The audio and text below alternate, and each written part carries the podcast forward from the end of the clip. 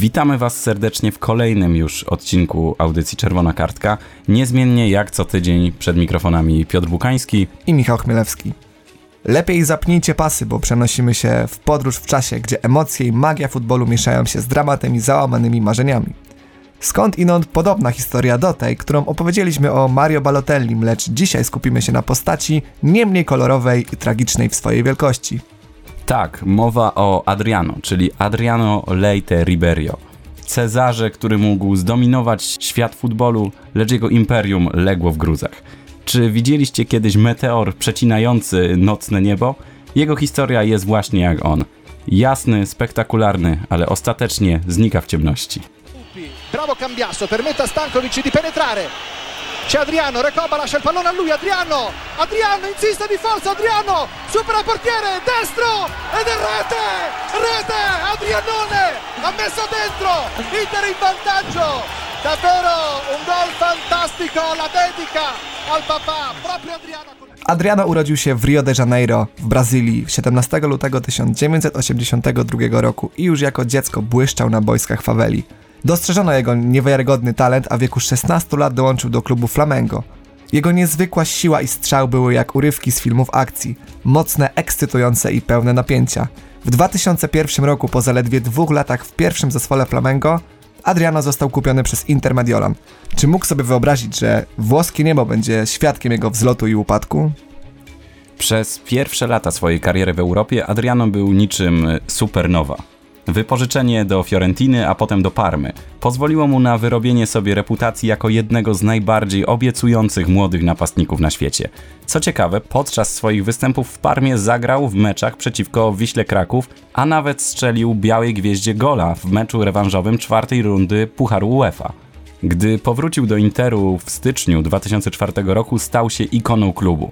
Co prawda, tym razem działacze musieli wyłożyć za niego około 15 milionów euro, Opłacało się to jednak włodarzom tego klubu, gdyż wciąż młody Brazylijczyk regularnie zajmował miejsca w czołówce strzelców Serie A. W sezonie 2002-2003 zdobył 14 bramek, a rok później już 17. Wcale nie o ataków, jakby chcąc uśpić trochę włoską 11, teraz wspaniale zagra w pole karne. Adriano przy piłce, jeszcze Adriano i gol! Szósta minuta spotkania. 1 do 0 dla Parmy. Wydawało się, że brazylijski zawodnik w 2004 roku przeżywa rok, który można by określić jako absolutnie idealny. Pokazał bez cienia wątpliwości, że jest na najlepszej drodze, aby stać się jednym z głównych filarów reprezentacji narodowej. Na peruwiańskim Copa America poprowadził swoją drużynę do zwycięstwa na całym turnieju. W fazie grupowej zdobył hat przeciwko Kostaryce. W ćwierćfinale wpisał się na listę strzelców dwa razy przeciwko Meksykowi. W półfinale zrównał wynik meczu przeciwko Urugwajowi, a następnie skutecznie wykorzystał rzut karny. W finale zdobył gola na remis w starciu z Argentyną, trafiając do siatki w trzeciej minucie doliczonego czasu gry. E perde num jogo dramático por 2 a 1. Pode até empatar. Quem sabe agora? Capricha Adriano. Olha o empate! Gol!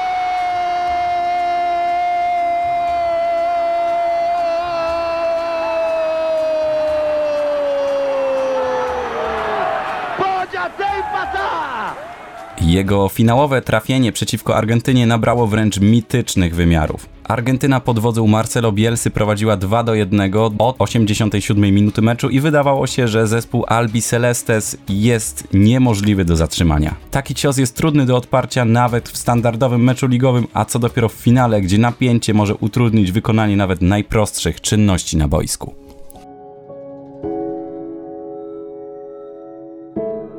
Niestety, nieco ponad tydzień po wygranym turnieju, los zadał Adriano cios, który mógłby złamać każdego. Jego ojciec zmarł. Ten tragiczny moment stał się punktem zwrotnym w jego życiu. Jako, że był bardzo blisko związany z ojcem, Adriano wpadł w spiralę smutku i zaczął szukać ukojenia poza boiskiem. Jego imprezowy styl życia zaczął przysłaniać jego fenomenalny talent. Pewnego dnia Adriano odebrał telefon. Poinformowano go wtedy o śmierci ojca. Byliśmy razem w pokoju. Odłożył słuchawkę i zaczął krzyczeć. Krzyczeć w taki sposób, jakiego jeszcze nikt nie jest w stanie sobie wyobrazić. Do dziś mam dreszcze, gdy o tym pomyślę. Od tego momentu nie był już takim samym człowiekiem. Wspominał Javier Zanetti, który dzielił z Brazylijczykiem szatnie w Interze Mediolan. Czy pamiętacie, jak opowiadaliśmy o tym, że Balotelli przypadkowo wjechał na teren więzienia? W przypadku Adriano media donosiły o jego nocnych eskapadach i przygodach w fawelach Rio. Jego życie zaczęło przypominać scenariusz filmu gangsterskiego. W mediach pojawiały się zdjęcia Adriano z osobami związanymi z lokalnymi gangami i plotki o jego udziale w nielegalnych imprezach. W międzyczasie na boisku magiczne chwile stawały się coraz rzadsze. Kiedy w 2006 roku Brazylię dotknęła porażka na Mistrzostwach Świata, wielu obwiniało za to właśnie Adriano. Jego forma drastycznie spadła, a trenerzy i kibice zastanawiali się, czy cesarz kiedykolwiek odzyska swoją dawną świetność. Jego nazwisko, kiedyś wypowiadane z podziwem, teraz stawało się synonimem niespełnionego potencjału. Na początku sezonu 2007-2008 Adriano popadł także w konflikt z władzami Interu Mediolan, którego przyczyną był jego niesportowy tryb życia. Brazylijczyk obniżył loty, przybrał na wadze i stracił miejsce w podstawowym składzie drużyny klubowej, a także narodowej. W obliczu potrzeby odbudowy kondycji zarówno fizycznej, jak i psychicznej, kierownictwo Interu zgodziło się na jego powrót do Brazylii w listopadzie 2007 roku. Tam miał przejść specjalny program rehabilitacyjny w jednym z nowoczesnych ośrodków regeneracji należących do São Paulo FC. W grudniu po uzgodnieniu warunków z władzami obu klubów, piłkarz został wypożyczony na 6 miesięcy do brazylijskiej drużyny.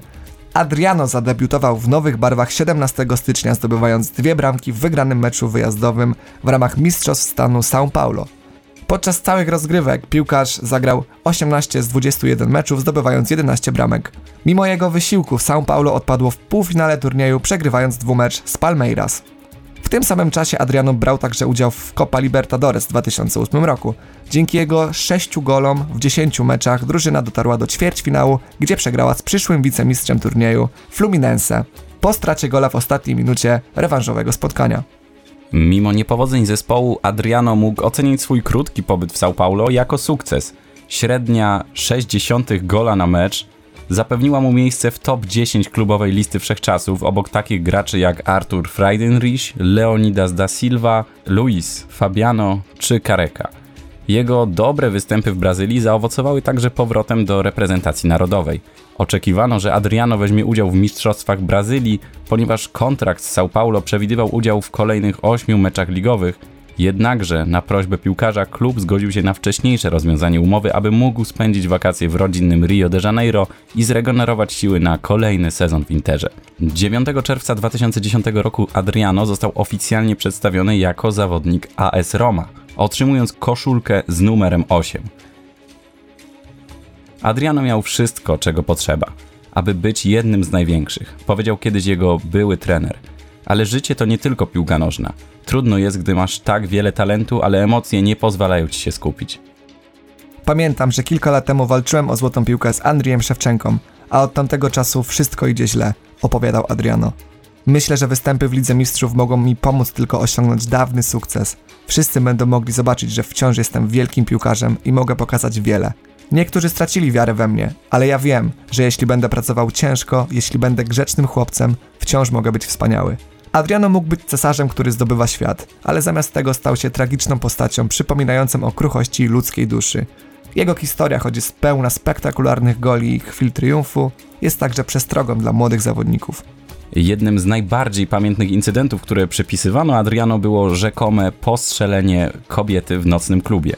W efekcie śledztwa okazało się jednak, że winę za to zdarzenie ponosił ochroniarz Adriano. Choć Adriano bywał łączony z różnymi skandalami i kontrowersjami, nie postawiono mu żadnych oskarżeń o przemyt narkotyków, powodowanie wypadków samochodowych pod wpływem alkoholu czy wydawanie dużych sum pieniędzy na prostytutki.